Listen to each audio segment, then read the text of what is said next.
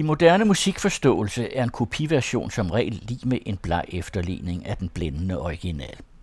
Sådan forholder det sig da også ofte, og alligevel findes der mange eksempler på, at kopien er på højde med originalen, hvis den da ikke ligefrem overgår den.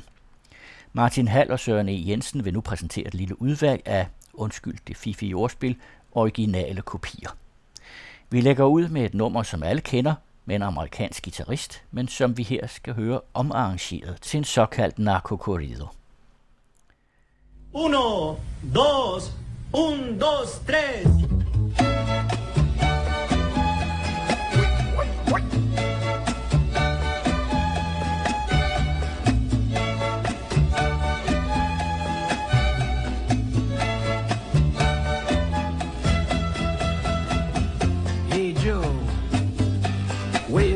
That money in your hand. I say, hey Joe, where you going with that money in your hand? Well, I'm going to see my woman. You know, I heard she done messed around with some other man.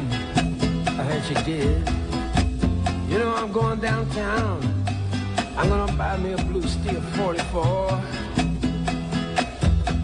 You know I'm going downtown and I'm gonna buy me a blue steel 44. I'm gonna catch up with that girl. She won't be messing around on me no more.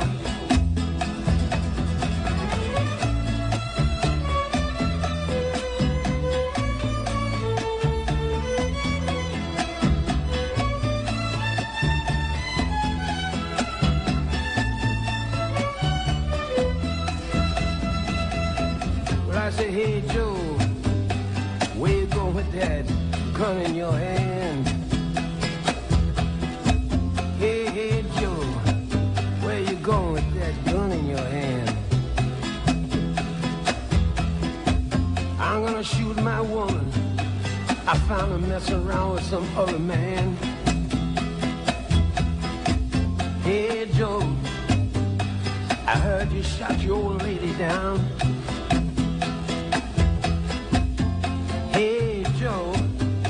You know, I heard that you shot your old lady down. Yes, I did. Cause I caught her messing around, messing around, messing around town. But alright.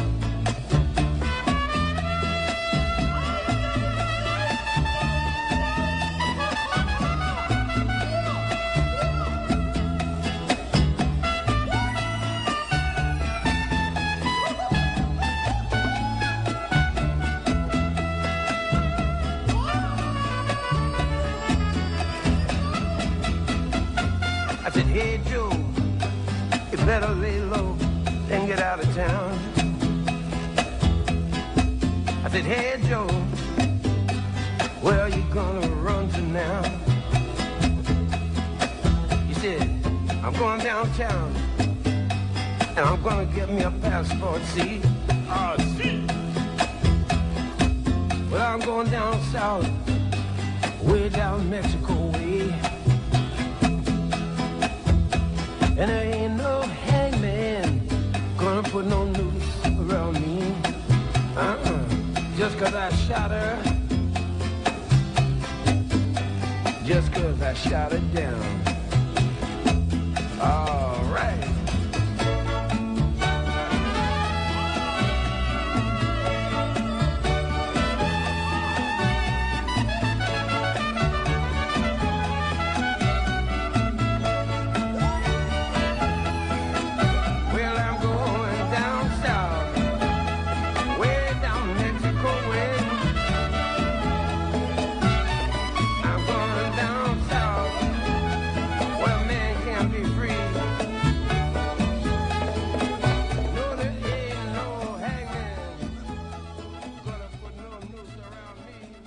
Hey Joe med Ville det Ville. Og så tænker man jo straks, at det var en kopi af den samme sang med Jimi Hendrix. Det er det faktisk ikke. Det er sådan en traditional Hey Joe, altså et nummer, som er lavet i utallige udgaver, hvor man ikke kender oprindelsen fra. Og den dukker så op i folkemiljø i 50'erne, og bliver så udbredt i 60'erne, hvor blandt andet Birds og The Love, de laver den. Og så via, hvis nok The Love, får Jimi Hendrix fat i den, og så, så sætter han sig jo på det nummer. Men det her, det var Vilde Vild, som du kender, Martin.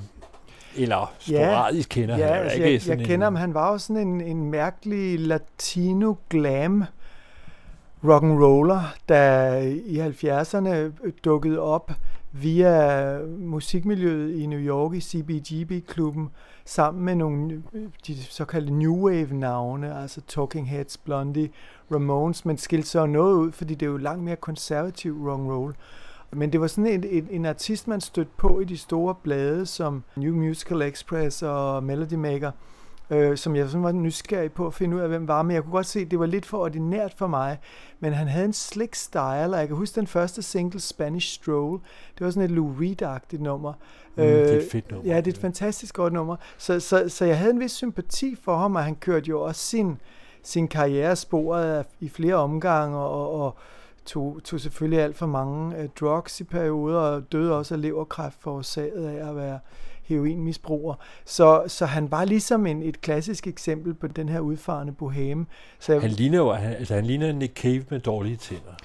Ja, og, og, og fra, fra Mexico, kunne du sige. Og fra? Mexico, Ja. og det er jo også nu, jeg skal lige, for jeg, altså nu skal jeg lige bruge det her ord, for jeg, jeg har lært, min kone lært, prøvet på at lære mig at udtale det.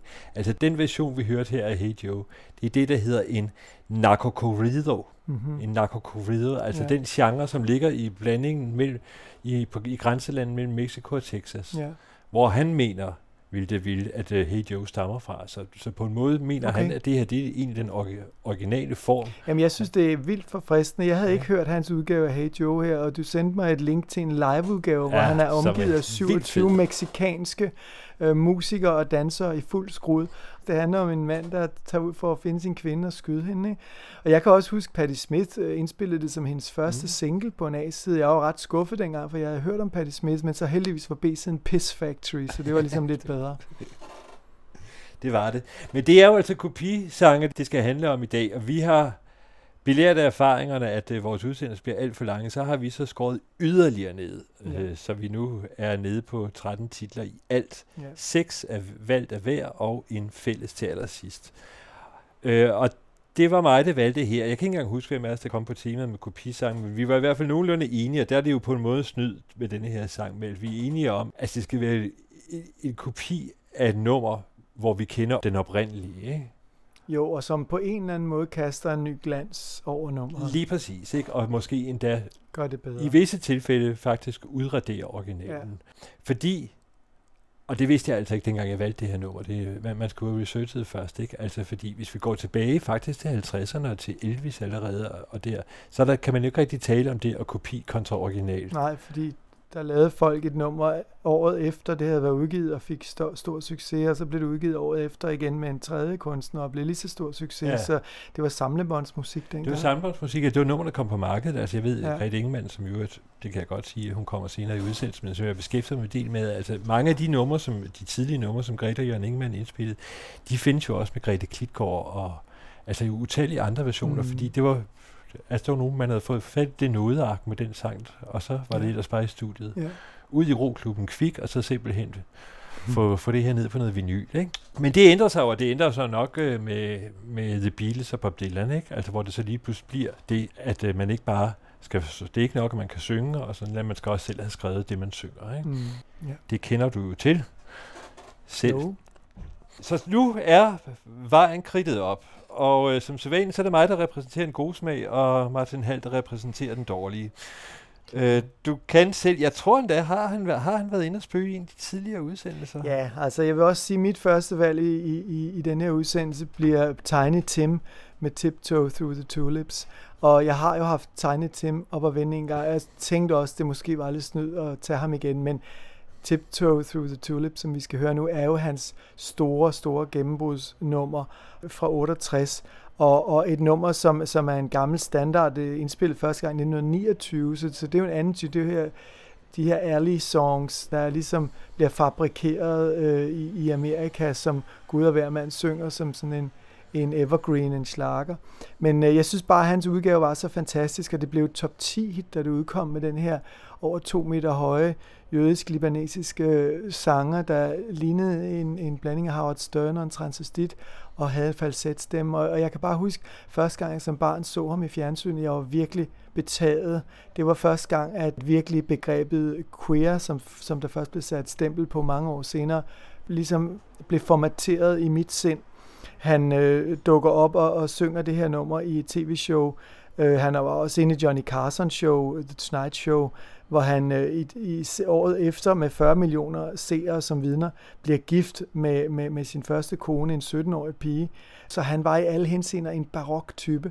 Men han slog igennem med det via en tv-performance, og albumet det stammer fra, så er jo et produceret af Captain Beefhearts øh, producer også. Så, så der er sådan nogle interessante øh, og kronologiske, øh, hvad skal vi sige, stikpiller gemt i det.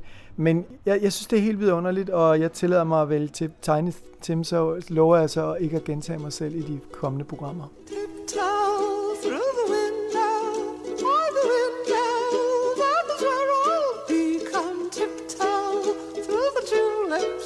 with me.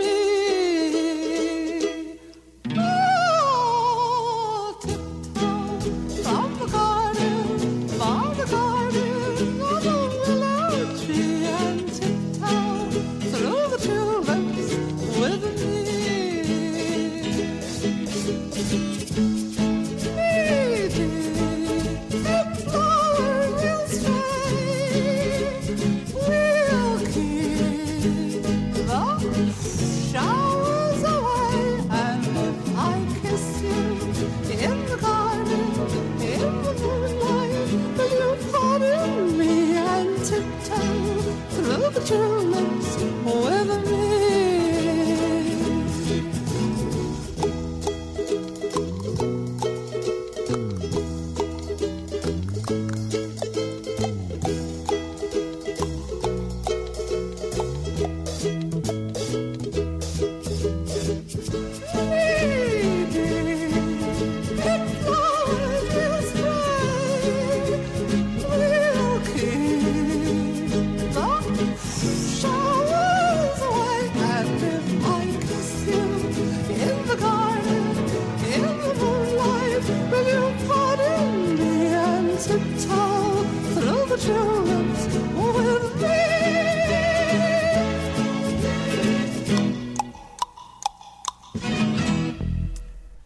Tiny Tim, Tiptoe Through the Tulips, det er altså dejligt at sige.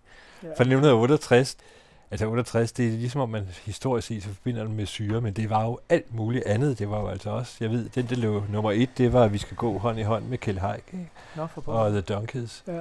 Det var det hele taget meget Ja. broet. Jeg sad, for jeg sad og læste om det i går. Altså, der var Ja, ja, ja. ja. Et, et, et, et viungeblad, hvor der er et billede af Kjell Haik, Peter Belli og Anisette. Ja. Ikke? Jo, ved- jo, og Delilah med Tom Jones, som også handler om en mand, der slår en kvinde ihjel, apropos vores indledning, så det var festlige tider. Det var festlige tider lidt at være. Altså, og så Tiny Tim der, som hitter. Ikke? Ja, altså. præcis, præcis. Og man kan jo, ja, det er rigtigt, fordi man kan jo sagtens, altså hele den del af, af 60'erne, hvad skal vi sige, han er jo også sådan en lidt, skal vi sige, nu kalder jeg ham for en forvrænget Andy Williams, bare for at nævne et navn, ikke? Altså, men han er jo over i den soft genre der, vil jeg mene, ikke?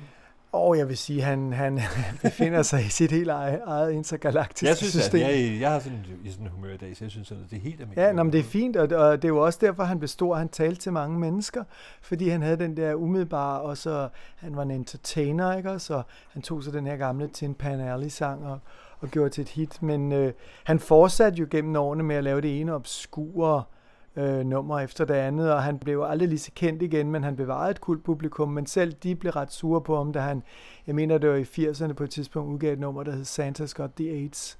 Det var ikke særlig populært. Øh, men han døde faktisk på scenen, mens han fremførte Tiptoe Tu- Tulips. Øh, meget rørende, men han var virkelig, virkelig mærket på det tidspunkt. Hans krop var slidt, så nok om Tiny Tim. Hvor gammel har han været i 68? Det, det kan jeg faktisk ikke huske, øh, men et vildt skud vil være i midt-20'erne, øh, slut, slut 20'erne, Aha. omkring 30 måske, men det er et vildt skud. Jeg kan slet ikke bedømme hans type øh, i forhold til hans alder. Jeg ved bare, at han nåede jo at blive ældre, så, så øh, jeg, jeg, jeg prøver at sidde og lege med målstokken det, er, der. nemt, det, er jo, det, er jo, altså, det er jo fuldstændig umuligt at bedømme alderen på sådan en Ja, stemme der. Ikke? Ja, det er det. Men øh, nu siger vi, at øh, den originale Tiptoe Through the Tulips Den er fra 1929, og det kan man så også godt høre på nummeret. synes ikke? jeg. Der fandtes Jo. enormt meget der. Men det vil så igen sige, som vi snakkede om før nummeret, altså om der findes en original af det her, det vil ikke... Nej, det er det, der er lidt problematisk, fordi det, det, det er jo blevet spillet som sådan en sang, som alle orkestre har spillet øh, til dansefester og sådan noget, så, så det er jo en, en, en musikproduktionsfabrik øh, dengang til en Panelli, der producerede numre, som alle bare spillede løs, ikke? Og så vi, vi får flere eksempler på nogle af dem, hvor, hvor der er, der er en, en, en myriade, øh, myriader af, af, Mm. af udgaver faktisk. Men det næste nummer, og det som så om sider, så snyder vi ikke efter det, der egentlig var vores plan, altså netop at lave et nummer, hvor kopien fuldstændig eliminerer øh, originalen, og hvor der vel at mærke findes en original, men kopien her er bedre. Last night I was taking a walk along the river when I saw him together with a young boy, and the Lord that he gave made me shiver. Cause he always used to look at me that way, and I thought. Maybe I should walk right up to him and say, Oh, it's a game he likes to play. Look into his angel eyes, one look and you're hypnotized. He'll take your heart and you must pay the price. Look into his angel eyes,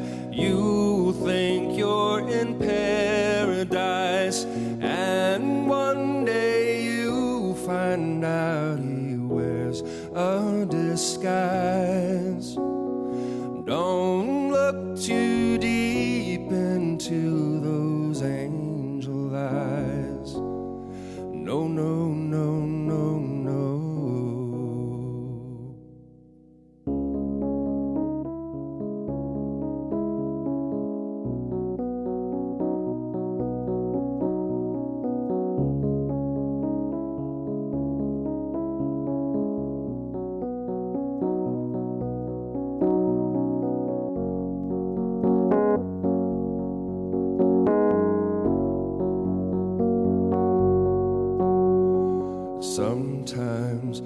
I'm lonely, I sit and think about him, and it hurts to remember all the good times when I thought I could never live without him.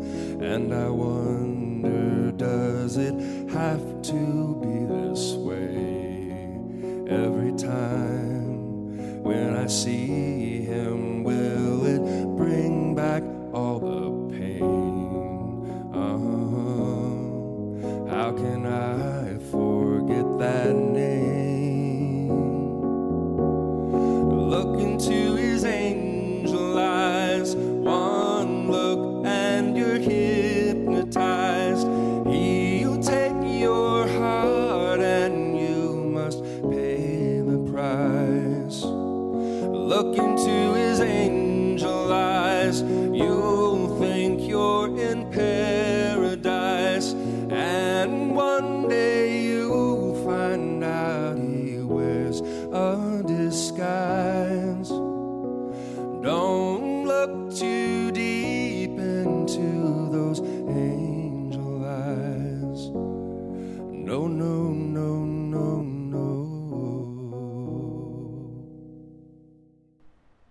Angel Eyes med, øh, ja ikke med ABBA, men med John Grant i en øh, uhyre nedbarberet version. Det er faktisk, øh, hvis det endelig skal være, så er denne her version på en måde også en kopi af John Grants første band, The SARS.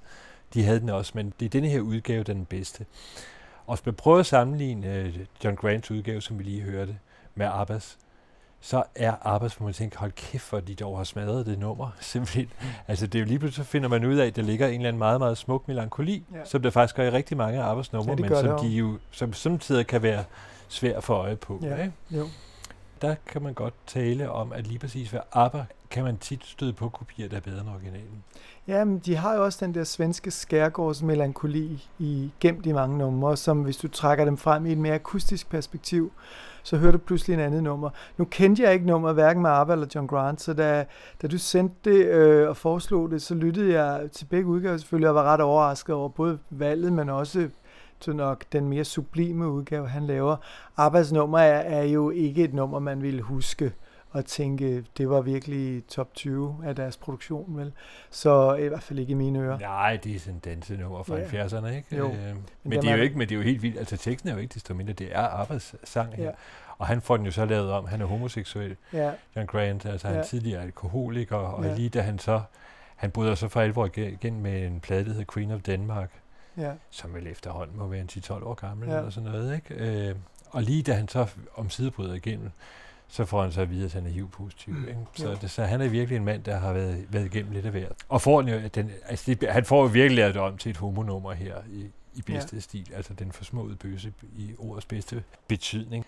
Vi er i gang med musikprogrammet, Haller Jensen præsenterer, og i dag præsenterer vi jo så kopisange. Jeg har et eller andet princip, altså al musik efter 85 kan jeg ikke holde ud, og John Grant er faktisk yngre. Han, han er en af dem, jeg, jeg vil tage op. Jeg synes fandme, han er god. Altså, Jamen, han er virkelig glimrende. Det må jeg også sige. Og det er sikkert en stemme, ikke? Jo. Altså, det er nok. Jeg tror, det var Claus Lyngård, og jeg tænkte, jamen, jeg gider ikke høre ny musik. Så sagde han den nye Harry Nelson, så tænkte jeg, okay, så gider jeg godt, så giver jeg Ja, det er jo chance, faktisk ikke? meget rammende Og sagt. det er meget ramt, ja. Ja. det var så dengang Queen of Denmark var kommet, som Ja. ja. virkelig er, hvad man godt kan. Det, det skal være forsigtig med at bruge det ord i en ny klassiker, men det synes jeg faktisk, det er. Ja, jeg synes også, det er, det er et, et, et nummer og et album, der holder Ja. rigtig fint. Men gudskelov, så skal vi jo på den anden side af 85. Der kan man virkelig også tale om et, et kendt nummer, men jeg kender ikke den version, der kommer nu. Nej, det er så Heard It Through the Grapevine, jeg har valgt med det engelske p-punk band The Slits, øh, som jo har indspillet det her, den her coverudgave af et gammelt Marvin Gaye-nummer. Et kæmpe hit fra 1968. Men apropos vores samtale tidligere, der det, har det også været et hit i årene inden The Miracles lavede det første gang i 66. Og Gladys Knight and the Pips fik et hit med det i 67, og så fik Marvin Gaye så et endnu større hit med det i 68. Men jeg tror, de fleste husker det med, med Marvin Gaye. Øh, nu var jeg meget, meget begejstret for, for, for Slits øh, som ung menneske. Det var jo en af de her p-punk-grupper, der også virkelig definerede scenen. Altså punken er jo stadigvæk den musikgenre, der har haft størst procent af kvindelige udøvere blandt medlemmerne. Og netop i den kønskvoteringskamp, der kører i øjeblikket, der synes jeg, at man må give den scene en respekt for alle de her prominente øh, kvinder, der var i bandsene. Susie fra Susie and the Banshees og Raincoats, der var et, et pigeband, X-Ray Specs med Polystyrene. Der var simpelthen piger i et hvilket som helst punkband, øh, Gay Advert i The Advert, så jeg kunne blive ved. Jeg tror, det hang sammen med punkens ligesom credo om at starte helt forfra i alle henseender. Kønskampen var en, en overlevering fra 60'erne, man ikke gad høre om. Man ønskede simpelthen bare at slette alle begrænsninger. Alle, der havde noget på hjerte, kunne spille. Og der var The Slits, øh, det her hold, meget talentfulde, men også vilde piger, der blandt andet havde Viv Albertine, en guitarist i bandet, som her for nogle år siden, i 2014 faktisk, udgav en, en utrolig god bog om øh, punkscenen, og det at være pige dengang, hvor svært det rent faktisk var. Slits blev dolket og voldtaget, fordi de var piger. Altså, man glemmer lidt, altså, hvor stort hadet mod kvinder var dengang, og hele konceptet med at komme som pigegruppe og sige, vi skal spille, det var noget, lydmændene simpelthen ikke kunne tage alvorligt. Der var så stor chauvinisme, så, så det er helt utroligt. Men de udgav så endelig i 79, efter de havde eksisteret nogle år, øh, et, et album, der hed Cut, der er produceret af en, af en reggae-producer, og øh, havde så øh, det her nummer Heard It Through the Grapevine som en B-side på deres egen single Typical Girls. Så det var ikke et forsøg på at få et hit, det var simpelthen et nummer, de havde spillet, som de ligesom sne ud som en B-side, som siden er blevet et meget populært nummer med dem. Og de laver det også lidt om undervejs, for, på grund af at i reggae-musikken, som de var meget inspireret af, der har man bassen som det primære instrument, i modsætning til rockmusikken, hvor det er gitaren. Øh, men der er en af linjerne, i stedet for I heard it through the grapevine, der synger de på et tidspunkt, i heard it through the baseline. Så, så de formår hele tiden at omskrive tingene, den kultur, de lever i. Jeg synes, det er et enormt frisk nummer, og jeg synes, det har en ligefremhed, og jeg vil også mene, øh, uden at nogensinde have læst interview med Bjørk, men hun må have hørt Slits.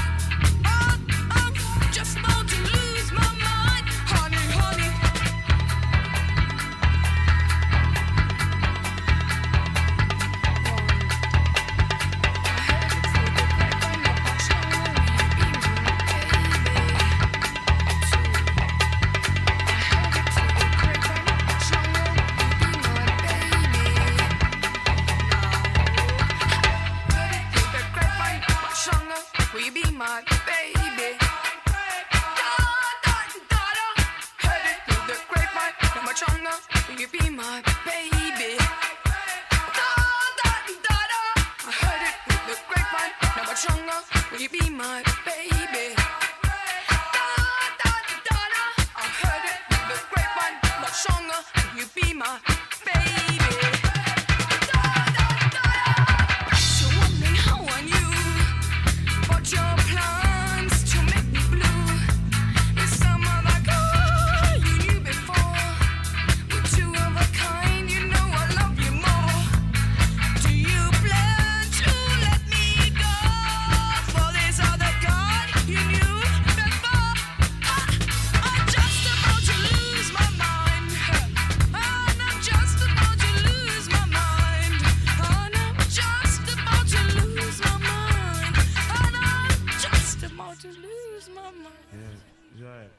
Heard It uh, Through the Grapevine, det var ikke med Gladys Knight, og det var heller ikke med Marvin Gaye, men det var med Slits, en udgave fra 79. Ja. Jeg ved af erfaring, man skal passe på med at gå tilbage til lige præcis den periode. Du nævnte lige med at det er faktisk er trommeslageren for Susie and the Banshees. Lige præcis Susie and the Banshees, dem kom jeg til på et eller andet, du ved, mixbånd, en gammel mixbånd. Det kom jeg så til at sætte på i bilen for 10-15 år siden. Ja.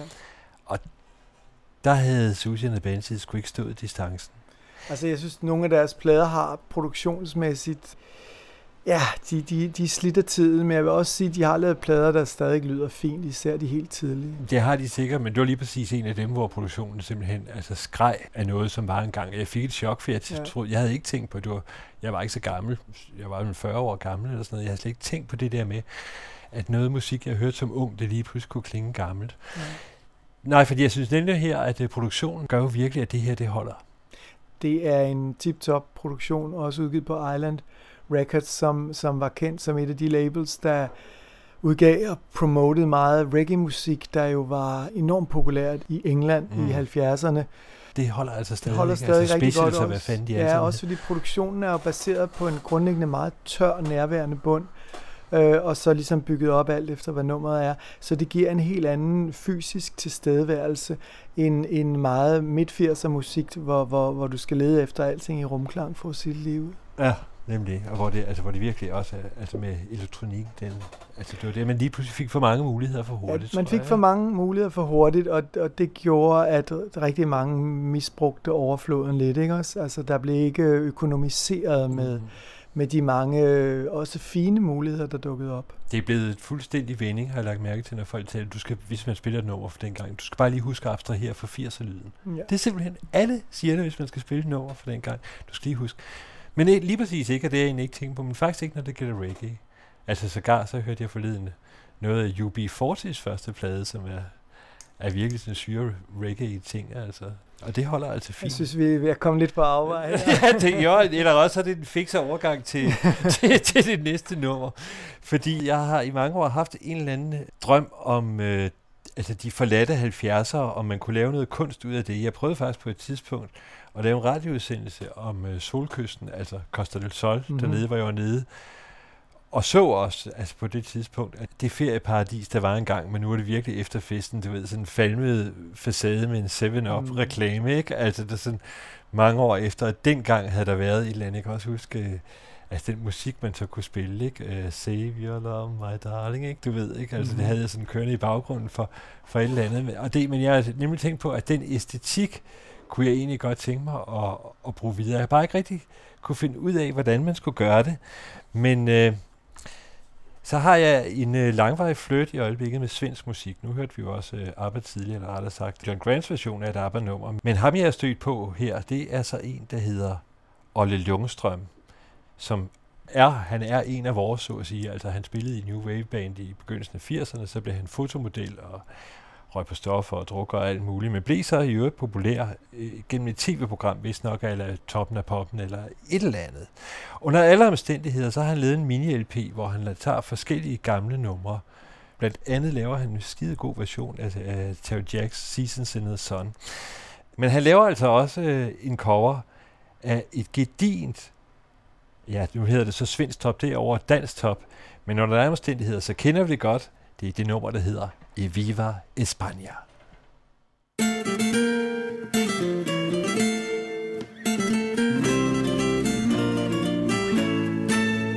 Jag har varit på semester i Marbella. Bara tänker och drömmer espanjol Och mitt hem går mest i rödgult kan man säga.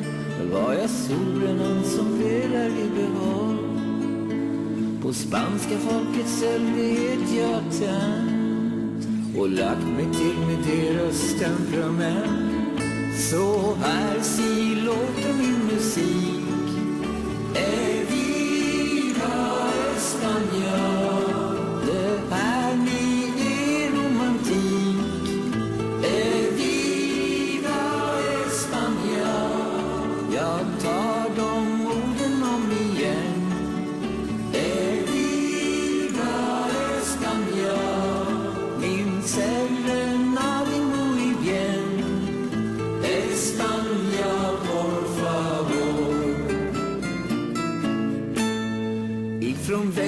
tar jag mina kastanjetter För här ska dansas flamenco ska ni se.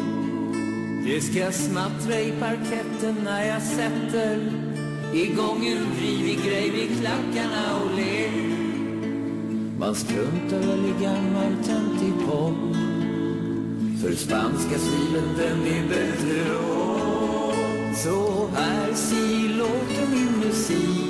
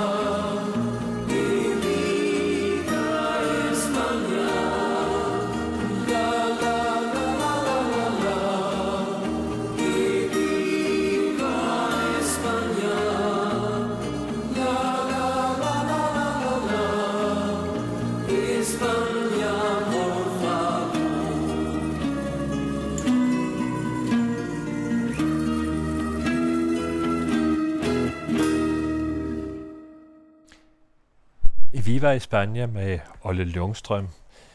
Og originalen, ja, det er jo så svært at sige, fordi de jo også de, de der 70'er dansk top sange der, eller Ja. svensk top eller sådan noget, de, de findes jo i, på hver... Ja, de gjorde. Altså, den første udgave var faktisk i Belgien med en pige, Samantha i 1971. Det var hendes sangskriver bagmænd, der skrev nummeret, og hende, der fik det første hit, og så blev det jo oversat til alle sprog i Europa, ikke? Også blandt andet i Danmark også med til Elisabeth Edberg. Og, øh, Ja, og hende, der sang på spansk, sang den også på tysk, ikke? Altså. ja, men det skal nok passe, ja. Men det her, det var så Olle Lundstrøm. Det kan godt være, at du spiller den vildeste musik, men jeg spiller de vildeste kunstnere. Altså, vi, vi lagde ud med Vilde Vilde døde af leverkræft. Så havde vi en øh, AIDS-syg homo, der sang ABBA, ikke? Og, og Olle Lundstrøm, han er heller ikke blandt os længere. Han gik Nej, også ja. til... Altså, han er også gået til at drukke, ikke? HIV-smittet, må man sige. Ikke? Ah, der var HIV. Det Ja, kan ja. godt være, at nu skal jeg heller ikke overdrive. Nej, nu synes men, jeg lige, øh, du er kommet i Men, øh, rustne hjørne. Men han var ellers så Lundstrøm. Han er bestemt, altså han er ikke uinteressant. Blandt andet så skrev han et nummer, hvor han skrev og savnede til sin af- afdøde far, og gør det meget, meget overbevisende. Ja, det kan jeg huske noget om, faktisk, ja. det, der var pointen, det var, at hans far var slet ikke død endnu. Nå, Altså, så er det jo, det bliver kunst, ikke? jo, det skal jeg love for. Men jeg kan godt lide den her. Den, det, kan, det kan minde lidt om, om øh, John Grants version af, af ABBA, som vi hørte før. Altså det der med at presse en masse melankoli ud af, af noget 70'er. Det må åbenbart have været det hjørne, jeg var i Det, til den det dag. kan være, ja. Et eller andet hjørne har du i hvert fald været. Hvis det overhovedet var et hjørne. Øh, det kan være, det var en blindgyde. Nu kan jeg med stolthed erklære, at jeg faktisk dårligt nok kender originalen af det nummer. Ja, det er jo, det er jo et vist æresemblem ikke at, at kende det, ikke også? Mm, vil det, også kan også sige, det- være, det kan også være, at jeg er lidt koket. Ja, det er, har du det med at være, men øh, det lød godt i hvert fald. Ja. Jamen det næste nummer, der, der, der, normalt øh, undgår jeg lidt de her effektnumre, fordi vi, vi har at gøre med en, en sanger nu, der, der ligger i den her kategori, man kunne kalde outsider-musik. Det er en New Zealandsk sanger fra Hongkong, øh, der hedder Wing, eller går under det kunstnernavn. Og hun har lavet en udgave af ACDC's Highway to Hell, altså de australske proto bluesrockers eviggyldige druksang i en udgave, der bare slog mig som værende virkelig godt instrumenteret og fremført med en, en virkelig en frisk sound. Øh, hendes stemme, kan man sige, er en kategori for sig selv. Og, og man kunne sammenligne det med Florence Foster Jenkins, altså de her sangerinder, der tydeligvis ikke kan synge. Men jeg synes i det her tilfælde, at både instrumenteringen og arrangementet og så hendes stemme virkelig formår at gøre det her øh, prototypiske heavy rock nummer øh, Highway to Hell til en interessant lytteoplevelse. Så det er ikke, det er ikke rent billige point, jeg tager den med for. Jeg, jeg var faktisk ret fascineret, øh, da jeg hørte den. Ja, det, det er den type musik, man kan sige nok så meget om det, men jeg synes bare, at vi skal høre nummeret, altså den her sangerinde, der hedder Wing, øh, med ACDC's Highway to Hell.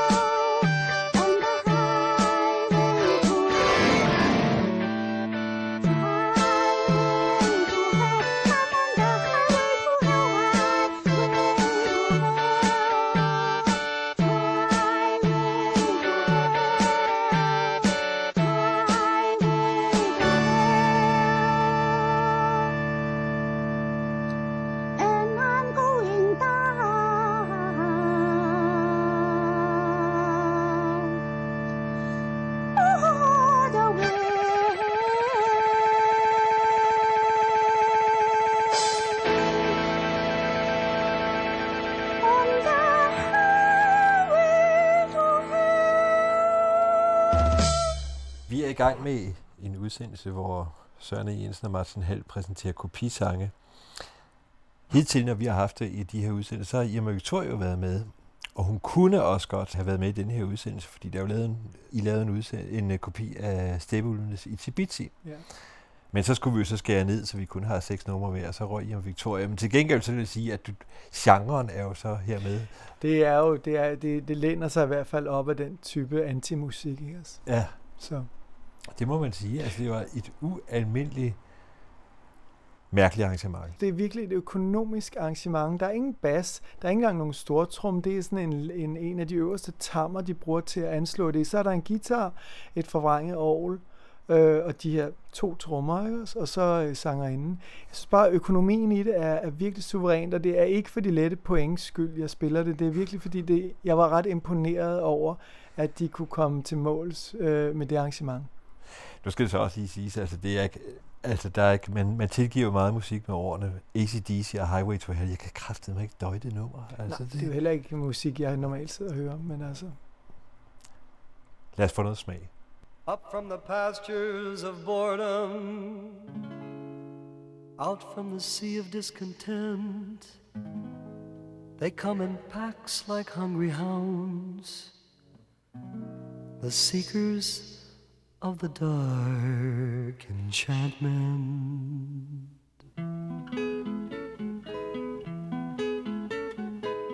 They haunt the boulevards and bars. They pray to wishing wells and stars. They ride the hurricane of hope, not looking back, but on they go toward the distance and deceiving. And all the while they keep believing that they are special and apart. The lovers, the lovers of the heart, the lovers.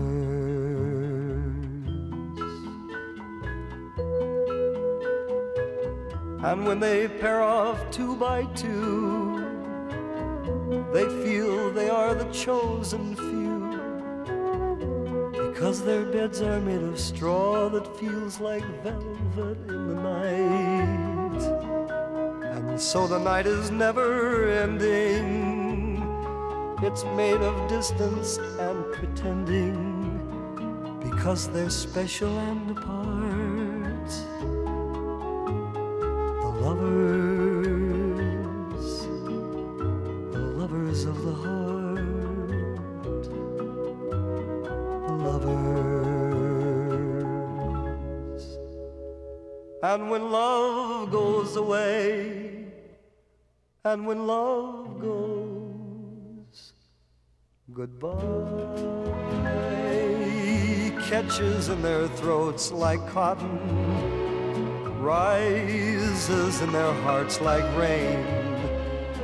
Good times suddenly are all forgotten. The hunt begins again. They search the subways and the streets, their faces tired like their feet. Their bodies aching to be warm, and so they hide behind the moon. Their loneliness inside them growing, but they take comfort in just knowing that they are special and apart. The lovers, the lovers of the heart lovers. And when love comes again, and when love comes, hello, rises from their throats like singing, catches in their hearts like wind. The good things strangers in their arms are bringing makes life all right again. They turn their faces to the light, no longer hiding in the night, so unashamed and unafraid that they can face each other's faults. And though the waltz will have its ending, there's no harm in just pretending that they are special and apart. Lovers, the lovers of the heart,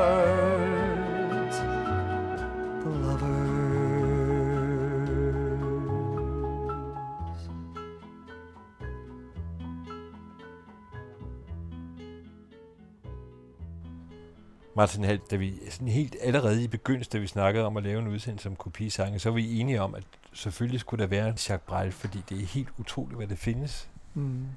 af kopiudgaver. Og jeg havde personligt svært ved at vælge, for, for en del år siden i den nu nedlagte Fona i Holbæk, der fandt jeg, jeg har den liggende her, 10 kroner gav jeg for den, en uh, CD, der hedder Next Brel, som er forskellige sanger, der fortolker.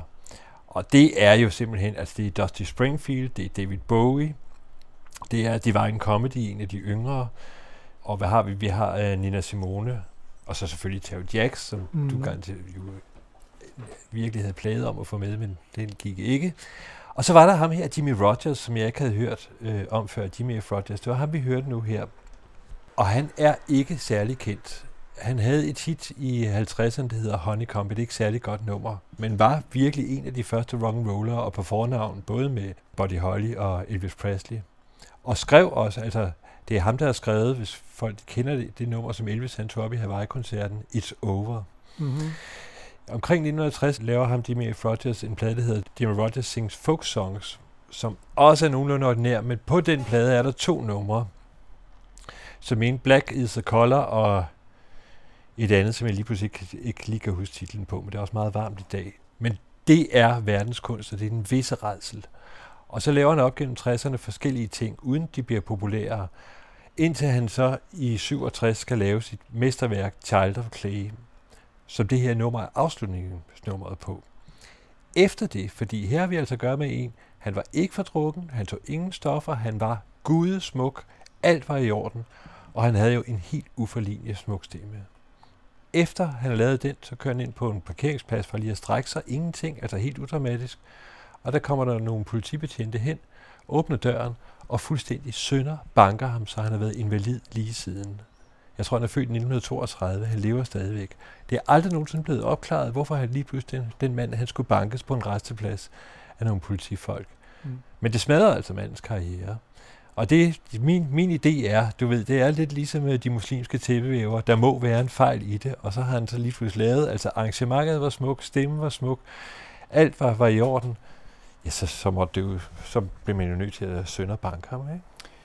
Ja, men så sluttede han i det mindste med sit magnum opus. Han lavede faktisk nogle ting senere, men så, så blev han simpelthen for syg. Ikke? Ja. Øh, men lige præcis den her plade, som for 67, altså syreåret, ikke? Altså det var heller ikke... Jo, men jeg kender faktisk nummeret fra en udgave med Rod McCune, som må være ham, der har oversat øh, Jacques Brel til engelsk, fordi det var en af de ting, han gjorde. Han var manden, der ligesom var den første til at omskrive Jacques Brels store, store numre til, til det engelske sprog. Og havde hørt det, The Lovers nummer, som vi hørte her med, med, med Rod McEwen, som også er en fantastisk smuk udgave, men jeg vil give dig, at øh, den her udgave har en, en underspillethed, der også er meget sødmefyldt. Og alligevel så er han inde i teksten. Altså der er Ja, jo ja. en. Ja. Øh, Ja, altså det er bestemt. ikke bare en, der synger smukt. Nej, altså der er også noget fortolkning i det. Ja.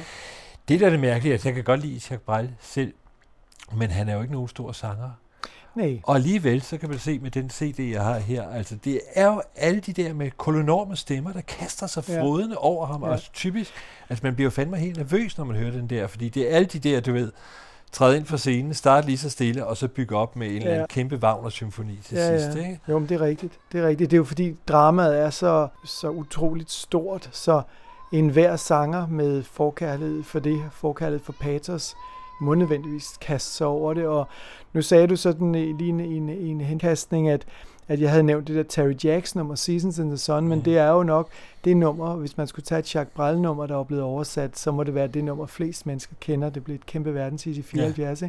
Men det var også i lyset af, at sådan en udsendelse, som vi laver med kopisangen, der var jo masser af numre, der, der ikke kunne komme med. Virkelig storslåede numre, også Harry Nelsons Without You, og for så vidt Johnny Cash Hurt nummer, Nine Inch Nails nummeret. Så vi har jo måttet udlade en masse, og måske fokusere på nogle af de her mere sære numre, som der forhåbentlig er flere, der ikke kender, og derfor kan blive bekendtgjort med. Men jeg vil også sige, at jeg har haft en stor forkærlighed for Jacques Brel, og især de mange øh, engelske versioner af hans sange, der er dukket op. Der er jo virkelig mange, der har, der har lagt arm med dem, og har så ligesom valgt for at blive lidt i universet og tage mit næste valg, som også er et Jacques Brel-nummer, som er Scott Walkers Mm. Jackie. Som Jan med vilje, han er repræsenteret med hele to sange på Ja, denne her. men det må ikke? han jo Altså, svære, for han var en af dem, der også virkelig tog fat. Ja. Og Scott Walker har jo lige præcis det her pastorale over hans stemme, der gør, at han kan tage et drama af den art til sig og, og virkelig få det igennem. Ikke? Det så viser sig, i modsætning til Rod McEwens oversættelse, det er sådan en Mort Schumann oversættelse øh, øh, af Jacques Brel-nummeret. Vi skal høre øh, det her nummer, der hedder Jackie.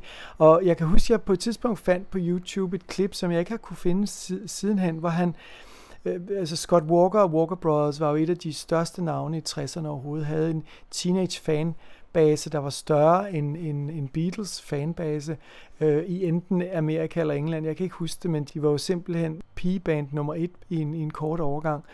Og, og han tager, begynder meget hurtigt at tage afstand fra det her mere konventionelle popmusik og søger ja, de her mere, øh, igen, dramatiske sange og introducerer så nummeret Jackie, så vidt jeg ved, første gang i et tv-show, hvor han introducerer det med at beskrive, hvad teksten handler om, nemlig et miljø fuld af prostituerede og kønssygdomme. Og det er det efter midt succes, hvor han står og taler til en forsamling af ældre kvinder, der sidder nydeligt op og er klar til at høre popsange. Så, så det var ret chokerende indhold, han på det tidspunkt i 60'erne ligesom lagde ud med som lørdagsunderholdning. Og en af linjerne i, i det nummer, vi skal høre, Jackie, er også My name would then be Handsome Jack, and I'd sell boats of opium Whiskey That Came From Twickenham, Authentic Queers and Phony Virgins. Så det er jo virkelig, det er jo ret stærke sager at stille sig op med i et lørdagsshow i 1967, eller hvornår det var. Men jeg synes bare, at hans udgave er så, hvad skal vi sige, den har dramatikken, den har maskuliniteten, som, som Jimmy F. Rogers udgave måske ikke havde. Så jeg synes, vi skal høre Scott Walkers udgave af Jackie.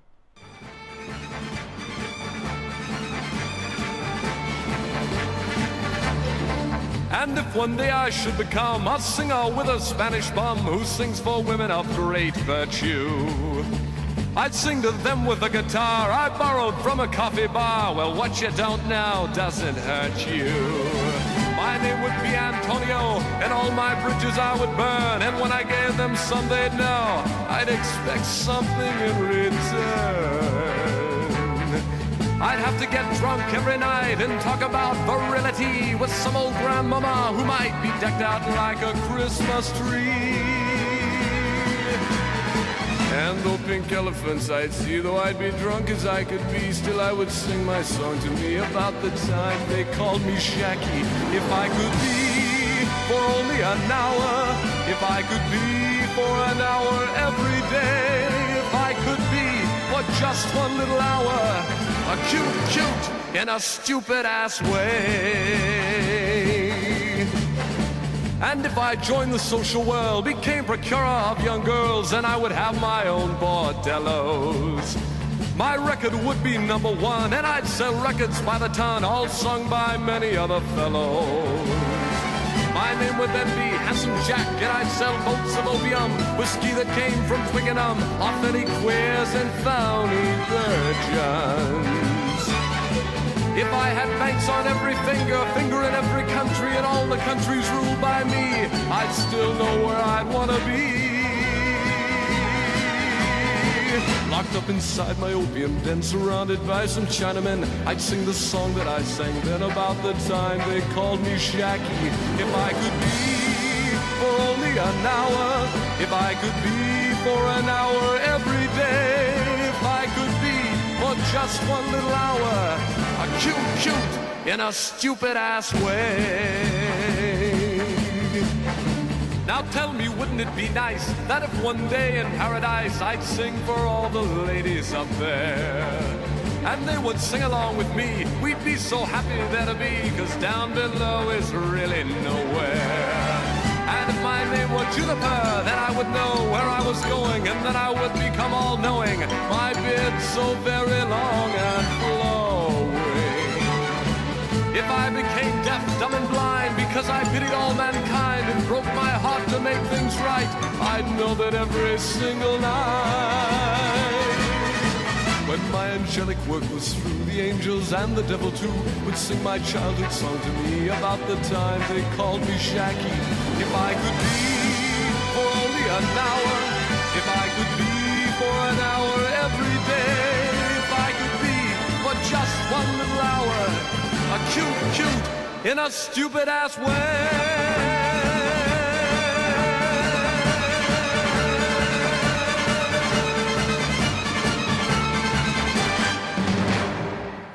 Scott Walker og Jackie, det kunne have været alt muligt andre. Han har jo lavet et hav af Jacques Brels sange. Nu skal jeg ikke, det er ikke fordi jeg skal skamride den her, det fordi, men nu har han øh, taget den med, så bliver jeg også nødt til. Altså det, Bowie, den, han er selvfølgelig repræsenteret med Amsterdam, som Scott Walker også har lavet. I det hele taget, så er det lidt som om, jeg tror det er ovenkøbet, det er dig, der engang har sagt, altså det er som om, at uh, Bowie han skulle lave noget, som øh, Scott Walker også havde lavet, ikke? Mm, jo, men altså, jeg ved i hvert fald, at Bowie var en, var en stor fan af Scott Walker, og man kan også høre på hans senere plader, at stemmeføringen simpelthen næsten begynder at blive en bevidst kopi af det. Det er som om, på det tidspunkt, hvor Scott Walker virkelig træder i karakter i 95 med albumet Tilt, som indleder for alvor det, der er hans tre hovedværker. Man kan sige Climate of Hunter, som kom i 3 eller 84, var eksperimenterende, men, men i, i 95, 12 år senere, da han kommer igen med Tilt, der sætter han ligesom skabet, som det skal stå, og så Ja, laver han de der to albums øh, med mange års mellemrum, derefter The Drift og Bish Bosh, og laver jo en, en avantgarde form for musik, der simpelthen ikke er lavet man til. Og på det tidspunkt, der kan du sammenligne med Bowies karriere, der, der er han jo fuld af næsegrus beundring for Scott Walker, og man kan næsten høre Bowies egne plader forsøger at leve op til den standard. Ikke? Og Blackstar er vel også hans forsøg på så at lave et eller andet, eller Ja, Tilt han- de følgende der, ikke? Altså, det er det, som en er kritiker har benævnt. Altså, jeg tror faktisk, at han også nævnte, altså, men, og at lige præcis, at, øh, at Blackstar vel egentlig var altså Bowies Scott Walker avantgarde-plade der, men som han jo så også sagde, altså Scott Walker kan aldrig nogensinde røre ved noget, uden at de bliver til pop. Og det er jo rigtigt. Ej, Det er altså, det er ikke det. med, Nu skal vi er ikke, det nu nu er lyder som om, jeg synes, et eller andet er det, at, at Blackstar er en billig popplade, og efterligning af Scott Walker, det er et fremragende plade, det er et mesterværk, det er slet ikke det. Men det er bare, når man hører Scott Walker, sådan har jeg det i hvert fald, altså, jamen jeg har ikke lyst til at høre andet. Fint. Tilbage til sporet. Og derfor, så var det jo også, meningen var, at jeg tænkte, hvordan kommer jeg videre med det? Og der havde jeg faktisk fundet, du spillede en New Zealand sanger tidligere, jeg ville også have haft en New Zealand sanger, men den, den ville øh, mekanikken ikke have, at vi skal spille. Så ham gider jeg ikke engang at nævne. Jeg vil ikke engang nævne navnet, fordi jeg er sikker på, at jeg skal præsentere ham i en anden udsendelse. Så ind på et afbud, så kommer så Johnny Cash, og det var fuldstændig logisk, at Johnny Cash han skulle med i en udsendelse, fordi han har jo virkelig med sin sidste del, altså de der American Recordings-plader, der fik han virkelig adopteret nogle sange, så det lige pludselig var ham, der ejede dem. Ligesom man jo sagde, hvis Elvis han lavede en kopi af Ja. noget, så, så var det Elvis' øh, version. Ikke? Jo. Så så var det bare lige spørgsmålet om, øh, hvad det skulle være. Hvad var det, jeg, jeg hørte, du, du ville gerne have hørt, synes du, er, er stamnummeret for Jamen, jeg synes, det er interessant også, fordi han, det viser den side af ham, hvor han griber ned og begynder at, at lave den nyere generations musik og formår at gøre det til sit eget. Altså, Trent Reznor, forsangeren og lederen af Nine Inch Nails, har jo selv sagt, at da han hørte Hurt med Johnny Cash, der var det ikke længere hans nummer. Altså, han, han mm. som sangskriver betragtet, der havde Johnny Cash gjort det til sit. Øh, og jeg synes, det er et imponerende nummer, men jeg er ikke, og jeg er også sikker på, at mange lyttere, der lytter til det her bizarre program, vil kende nummeret i forvejen, så der er ingen skam sket i, at vi ikke spiller det, men det er et, et slående nummer, og jeg synes også, det er et godt eksempel på, at han, ligesom på en af de andre plader, tog et Depeche Mode-nummer, Personal ja, ja. Jesus, som jeg så ikke var så vild med, men, men bevares. Altså, han formåede at gøre nummeren til sin egen. Det gjorde han, og det var også, ved, man kan så også sige, at det efterhånden blev lige lovligt næsten et sport. Altså. Men her er han stadigvæk i topform, og det her, det er faktisk, originalen stammer fra 1999. Johnny Cash's version kommer vel tre år senere, så der kan vi virkelig tale om, det er et nyt nummer. Det er nummeret, der hedder I See Darkness, som er skrevet af, han hedder vist nok rigtig Will Oldham, men er mest kendt under kunstnernavnet Bonnie Prince Billy. Og nu nævnte du lige, at øh, jeg, hvem var det, du sagde det så? havde sagt, altså, at- det øjeblik så ejede Johnny Cash nummeret. Trent Reznor fra Ja. Nine Inch Nails. Ja, og det samme gør sig gældende for Will Oldham, fordi altså, han, han har åbenbart været klar over det her. Altså når først Johnny Cash han kaster sig over det her nummer, så er det ikke mit længere. Og det skal så også lige siges, at øh, han nærmest er med til at lægge sig selv i graven, fordi det er altså Will Oldham, der synger på kor. Well,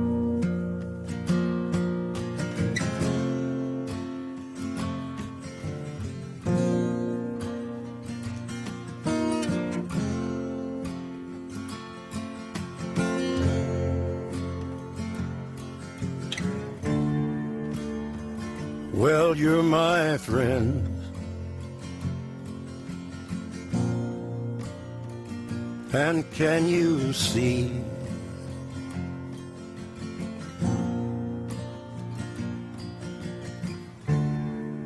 Many times we've been out drinking. Many times we shared our thoughts.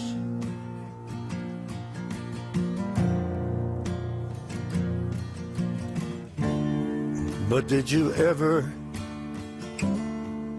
Ever notice the kind of thoughts I got?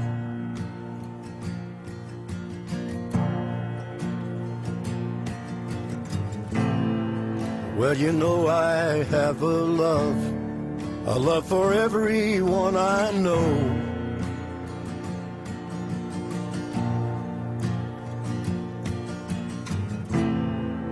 And you know I have a drive to live, I won't let go.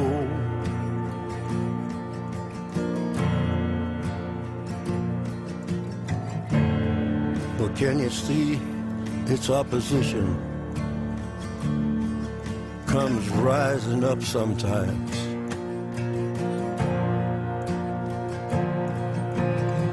That it's dreadful and position comes blacking in my mind.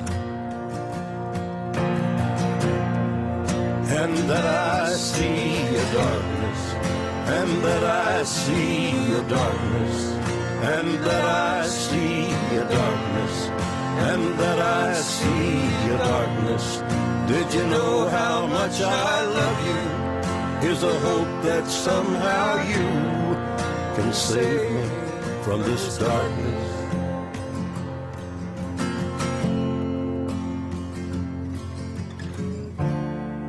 Well, I hope that someday, buddy, we have peace in our lives, together or apart, alone or with our wives, and we can stop our whoring and pull the smiles inside and light it up forever and never go to sleep.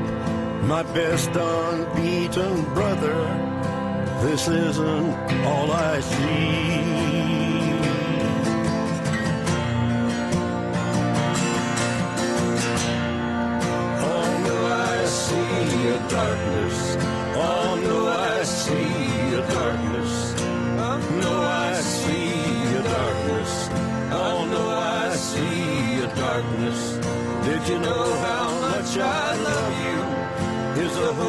That somehow you can save me from this darkness.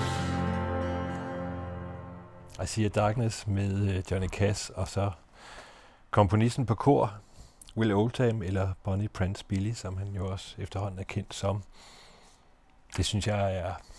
Altså, det, det, det kan man sgu da tale om at kigge i graven, simpelthen. Ikke? Og det holder. Altså, det er, det er lige på kanten til at blive tegneserie, men, øh, Mhm. men jeg synes, det holder. Du? Ja, jamen, jeg Eller, sidder nej, her det er sakral tavshed, for jeg. Det ikke. Vi skal igen tilbage, altså det, med kopinummerne. Egentlig så kan man sige, altså den der indledende, jeg sagde med, at, øh, at originalerne, altså at det egentlig er en forholdsvis ny diskussion, det der med, at øh, der findes en original, som en kunstner selv har lavet, og så er der så andre kunstnere, der laver kopier af det. Det er et forholdsvis nyt begreb, ikke? Mhm. Mm-hmm. som jo egentlig først tog op i 60'erne, fordi før fandtes der ikke Mhm. mm-hmm. rigtigt. Altså der var der jo folk, der skrev sange. Ja. Der er jo også grupper som Leibach, der indspiller for eksempel et Queen-nummer, og så kalder de det selv for originalen. Ja, ja. Så det er jo også en måde at se det, Det er på, jo også en måde at er gøre det på, ikke? dig. Altså, men i og for sig, så er det jo en, en, en ret ny diskussion, og jeg tror ikke, altså folkesanger, den dag i dag, og countrysanger, og for så vidt også Bob Dylan med, altså der, der er det et eller andet med, jamen det der, er det en efterligning af et eller andet? Nej, det er det ikke. Altså det, det er sådan et bidrag til en tradition, om det, det er en kopi eller en original. Det skæld, det har man ikke. Det har man faktisk ikke i temmelig mange genrer, og havde det overhovedet ikke tidligere. Nej. Alt det vil jeg sagt, fordi du igen har snydt på vægten. Ja, altså jeg har så taget et, et nummer, som er skrevet i 1937 af en bandleader, der hed Larry Clinton, og, og spillet, det blev et nummer, der blev spillet af big bands som Tommy Dorsey and His Orchestra øh, og andre big bands dengang. Det er et nummer, der bliver brugt også til, til baggrundsmusik for tryllekunstnershows. Mm. Men det er et fantastisk nummer fra en, et album, der kom i 95 med Anton LaVey, den øh, oprindelige ærkesatanist fra, fra Amerika, fra, fra Los Angeles-området og Hollywood, som, som jo var manden, der skrev den sataniske bibel øh, og fik den udgivet, jeg mener, det var 1969, som er eh, ligesom, hvad skal vi sige, forgængeren for hele den her gotiske djæveldyrkelse, vi, vi, vi, vi stadig ser. Og men han også havde en, en meget, hvad skal vi sige, klar medieprofil med det, han lavede. Der er også rygter om, at han var konsulent på Rosemary's Baby-filmen. Så han stiftede ligesom øh, satanismen, som vi kender den, i sin grundform, men øh, indspillede så mange, mange år senere et album, hvor han tog sine egne gamle favoritnummer fra hans ungdom op. Nummer, hvor han selv sidder og spiller på Hammond øh, Honolulu Baby og øh, alle mulige andre klassikere. Og der har jeg så taget et titelnummer fra albumet, der hedder Satan Takes a Holiday, fordi det var også en, en, en ret fin kommentar til hans eget virke. Her, lige præcis på det nummer, der er det så Blanche Barton, der synger som er high priestess i, i, i, i det her sataniske netværk. Men jeg synes, øh, at der er en befriende humor i det, og jeg elsker den type, øh, ja, nærmest music hall øh, musik også. Og det er jo en kopi, så jeg synes godt, jeg kunne slippe gennem nåler. Så her kommer Satan Takes a Holiday. The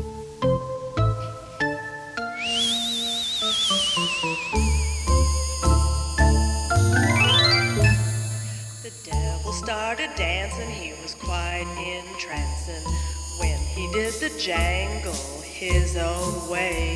His bones were rattling loudly as he began to shuffle proudly. That's the way that Satan takes a holiday. The music wasn't good, but it was plenty spooky. The way he likes it, night and day. The gentleman prefers to listen to aggravating rhythm. That's the way that Satan takes a holiday. Watch out, he's coming out. And then you'll shout, unless you're good,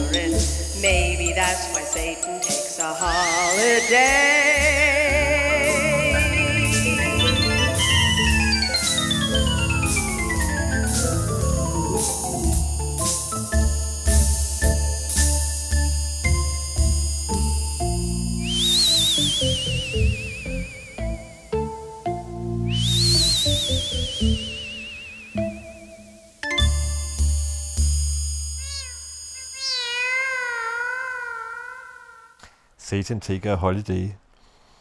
Anton LaVey. Hvad var det, du sagde? Den var fra af 90'erne, ikke? 95, jo. 95, ja. Og han spiller selv orlet. Ja, ja. Lige, lige begyndte jeg at tænke, hold da kæft, det er sgu da Deep Purple, der er på. faktisk, det kan. Men det har en ret god ikke. klang, det der. Øh. Jamen det er meget, det, han havde det her år i sit hjem, og han er vokset op med den type sange, og han var virkelig en habil øh, organist. Han var jo en charlatan også. Halvdelen af historien om hans liv er jo pure løgn. Men han formåede ligesom at blande den der vaudeville kultur med virkelig en scary form for, for, for news appeal. Øh, Man skal huske på, på det tidspunkt, hvor, hvor, hvor den sataniske øh, bibel udkommer, det er jo i de her år omkring Manson med, med Sharon Tate-drabet, Øh, det, det er virkelig, virkelig, virkelig en voldsom periode i amerikansk ja. historie. Så han blev ligesom selvfølgelig også indfanget øh, som sådan en ondskabens mester.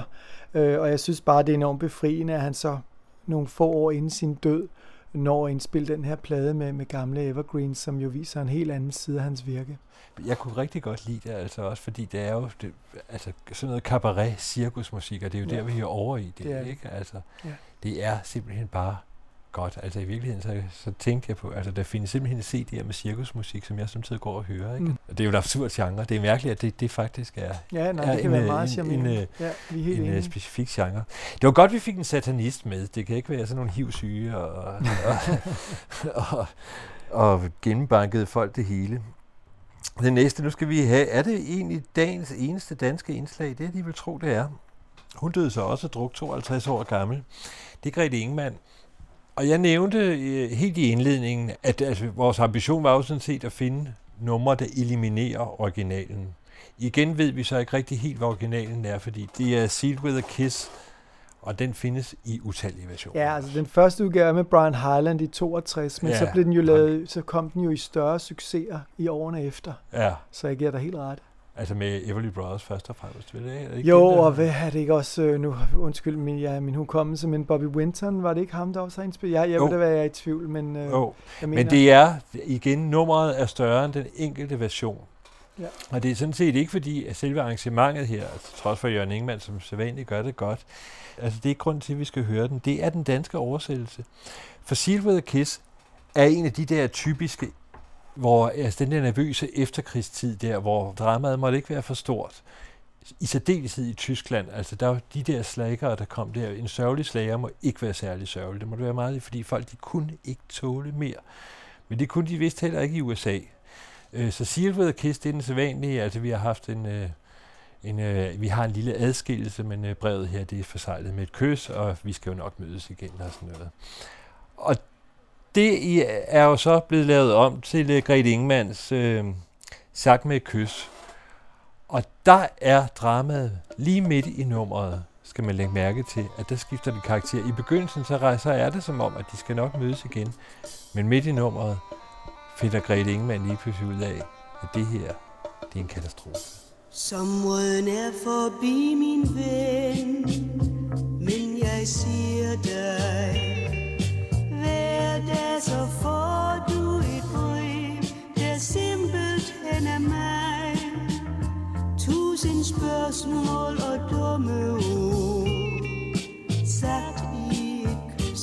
Vindrens tid bliver lang og kold, men jeg giver dig i hvert lille ord, jeg skrev en skildring af en sjæl,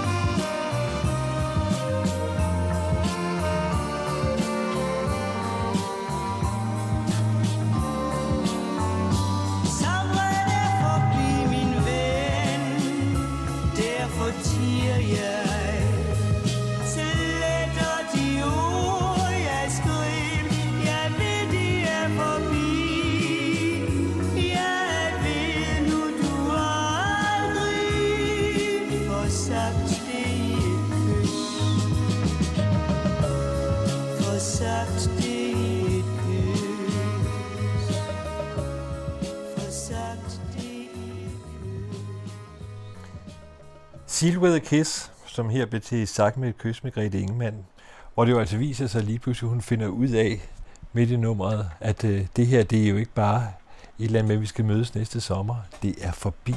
Det er slut.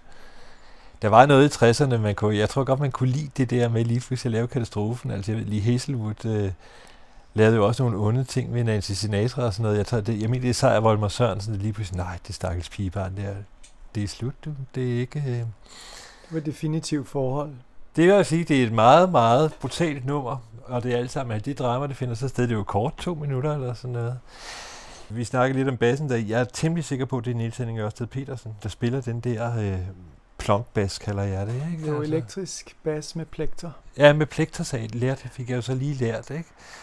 Noget andet er, det er jo den måde, hun øh, udtaler på. Altså, det, det gør jo, Det at folk... gammeldans, det er rigsdans, det er smukt. Det er hyperrigsdans, Ja. fordi hun, hun stammede jo fra Amager, så det vil Ja. så sige, det er lig, lidt ligesom når Tove Ditlevsen skulle læse op, ikke? Altså, alt for fornemt. Jeg har lagt mærke til, at der er en moderne pendant til det, hvis I har hørt uh, Janni Ræ.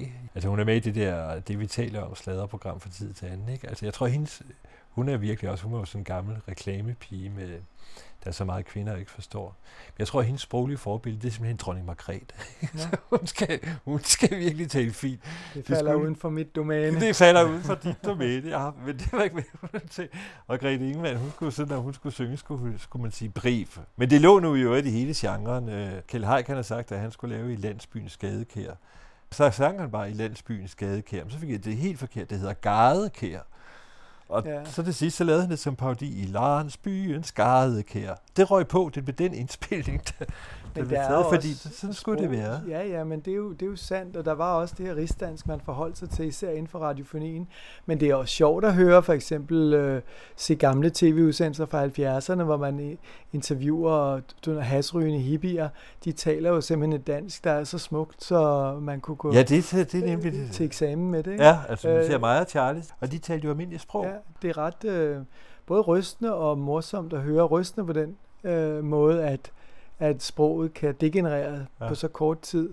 Og morsomt, fordi det, ja, det er jo selvfølgelig en kommentar til, til vores eget sprog. Ja, jeg ved, altså som radiomedarbejder ved, at det går lynhurtigt. Altså Ja. sprogmelodien ændrer sig i løbet af 5-10 Ja. år, så man tænker, altså hvis man hører en af sine gamle udsendelser, så, så er det altså ikke kun fordi, man var dårlig og talte alt for affekteret, så var det Nej. simpelthen fordi, at sprogtonen var sådan Nej, nej. dengang. Sproget er en skidende, frådende organisme, som jeg skriver i min seneste bog. Den ændrer sig undervejs. Var det et oplæg til næste nummer? Nej, det var det faktisk helt. overhovedet ikke. Ikke Det- helt, nej. Men jeg synes, vi nærmer os jo slutningen i det her program, hvor lytterne endnu en gang har været yderst tålmodige med vores øh, vildfarelser og øh, spøgelseshistorier. Det var tænkt Men- så godt, at det er ensomt sædvanligt skidt, det, ikke? det gør det, men det er en del af pakken, når man tager på de her rejser med os. Men jeg synes, at, at vi mangler et fælles øh, valg, og det her det nummer, der kommer nu, er så det næst sidste, det er så mit sidste valg. Og jeg synes, den fortjener at komme med. Det er et nummer, jeg har hørt meget en periode, jeg er blevet lidt træt af det, men det er et engelsk musik, et britisk musikkollektiv, der et, blev etableret af stifterne for i de, øh, en, der hed Ivo, Ivo Watts Russell.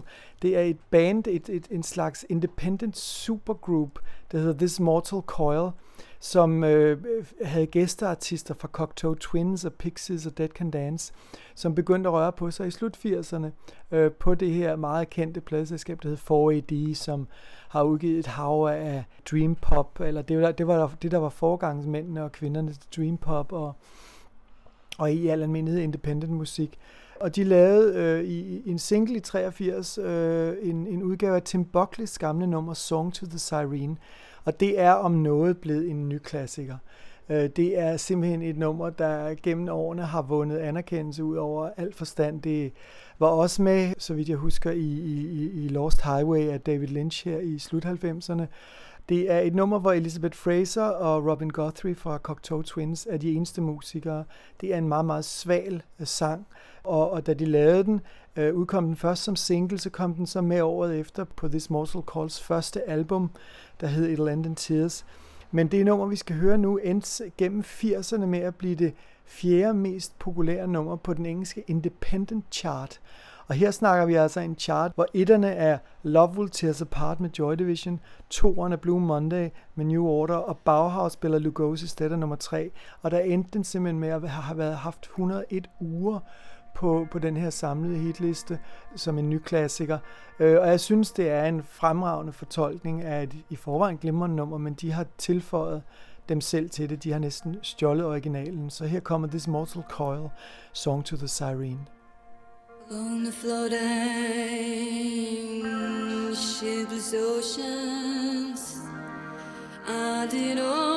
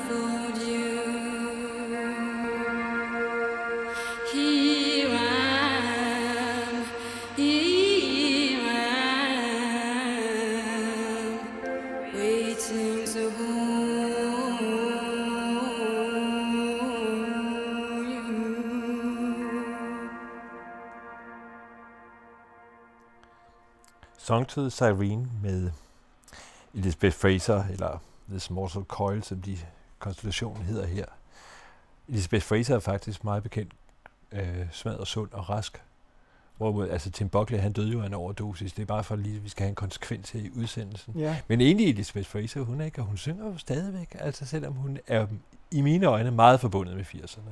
Jo, det er hun, men hun, Massive Attack gjorde jo brug af hende i 90'erne, hvor hun sang på et kæmpe hit, der hed Teardrop, og var så heldig også at være selv medsangskriver på det, så det har nok sikret hendes pension også, så at sige, og det fortjener hun virkelig. Hun har jo virkelig om nogen en af stemmerne i, i, den her under, i det her undergrundsmiljø i 80'erne, der har øh, sat skole for en masse sangerinder, og jeg synes, øh, ja, hun, hun har i den grad fortjent det. Hun lever stadig, hun er meget, meget øh, tilbagetrukket, meget indadvendt, meget mm. svær med at gøre. Jeg, jeg, jeg mener på et tidspunkt, hun skulle have været ude at spille live, hvor det blev aflyst i sidste øjeblik, og der har været interview, meget få interviews med hende i pressen, hvor hun midt under interviewet bliver nødt til at afbryde og ringe til en veninde for at søge hjælp om det, hun siger. Og, altså, hun er et ekstremt sensibelt menneske, så øh, hvor, hvor godt hun har det, det er et spørgsmål, men, men sund og levende er hun.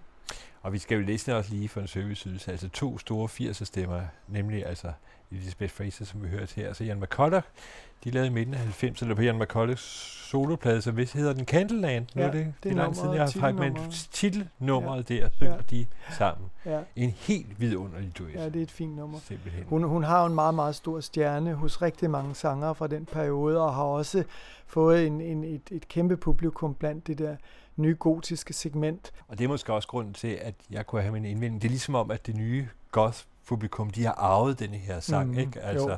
Det er ikke, altså man skal ikke gå ned, i- ned i goth-klubben på noget. Nu skal I med mig høre et nummer, som I ikke kender, for det kan, Nej. de kender den bedre, end vi kan den efterhånden. Bibelen, Ikke? Jo. Altså. Jeg vil også sige, at jeg har lidt svært ved at høre både det her nummer og andre numre fra den periode i det liv og den tid, jeg lever i nu. Men altså derfor kan det jo godt have været en, en væsentlig del af ens øh, kulturelle arv. Det lugter af petroleum. Det lugter af vores ungdom. Det lugter af petroleum. Det er måske sandt.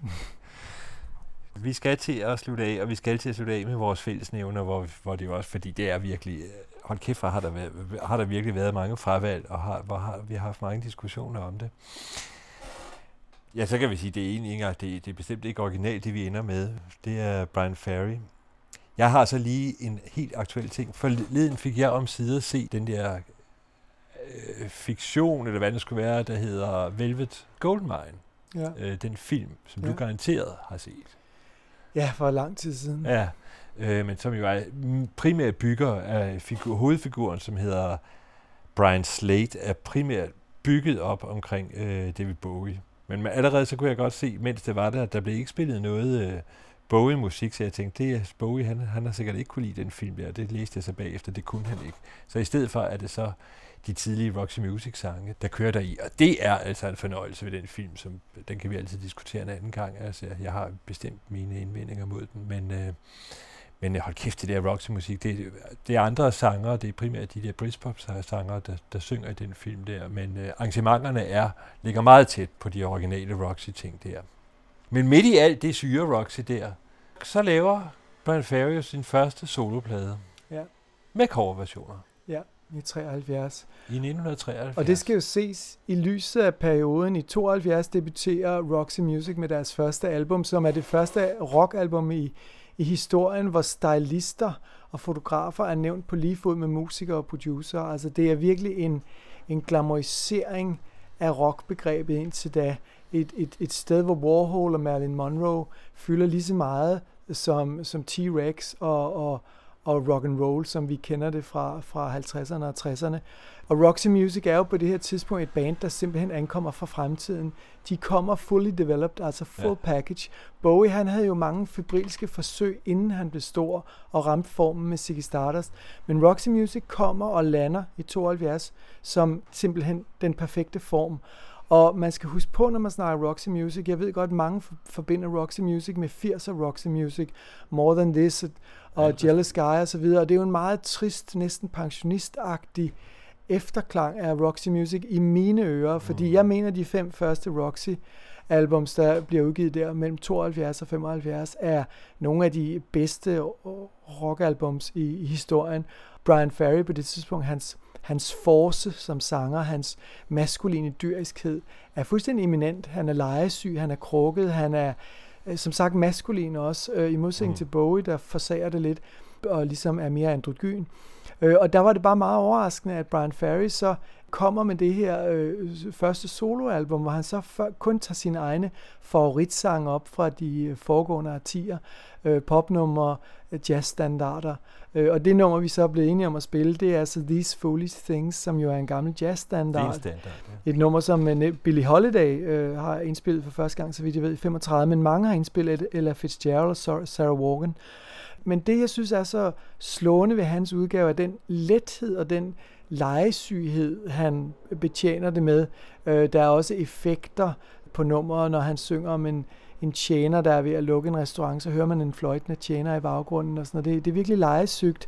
Øh, og det, som, som jeg kan huske første gang, jeg hørte nummeret uh, These Foolish Things, der kunne teksten godt virke en anelse parfumeret omkring de her strømper, der er blevet smidt på en stol Mm. og postkort fra, fra fjerne steder. Ja, men det er sådan, man laver en stor gør det, sang, du. Det, Det er- jamen det er også, og Ferry gør den romantisk. Ja. Han gør den her fortælling nærværende og romantisk, og jeg, er, jeg elsker det nummer, simpelthen. Jeg elsker hans udgave af These Foolish Things øh, virkelig højt. Så jeg, jeg er glad for, at vi kunne blive enige om det. Ved du hvad? Jeg er fuldstændig enig. Oh, will you never let me be? Oh, will you never set me free? The ties that bound us are still around us. There's no escape that I can see. And still those little things remain that bring me happiness or pain. A cigarette that bears a lipstick's traces, an airline ticket to romantic places, and still my heart has wings. These foolish things remind me of you. A tinkling piano in the next apartment. Those stumbling words that told you what my heart meant. A fairground's painted swings. These foolish things remind me of you. Saw, you conquered me. When you did that to me, I somehow knew that this had to be the winds of March that make my heart a dancer. A telephone that rings, but who's to answer? Oh, how the ghost of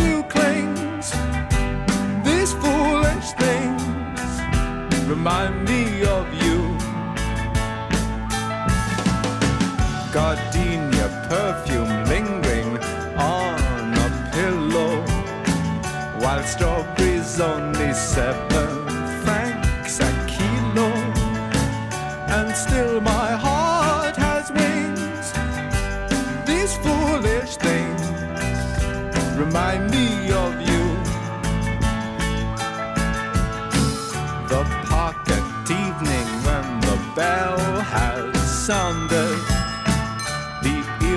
France with all the girls around it. The beauty that is spring. These foolish things remind me of you. I know that this was bound to be. These things have haunted me, for you've entirely enchanted me. The sigh of midnight trains in empty stations, silk stockings thrown aside, dance invitations. Oh, how the ghost of you clings. These foolish things remind me of you. First daffodils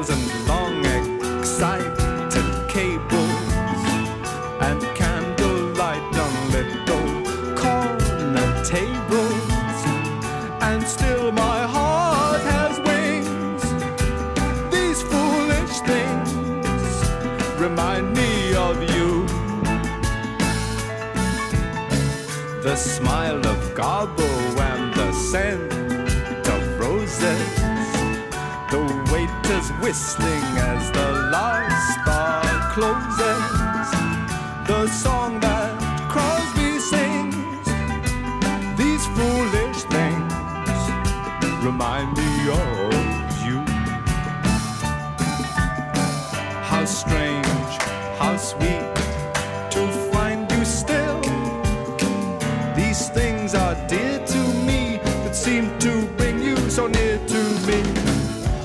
Scent of smoldering leaves, the wail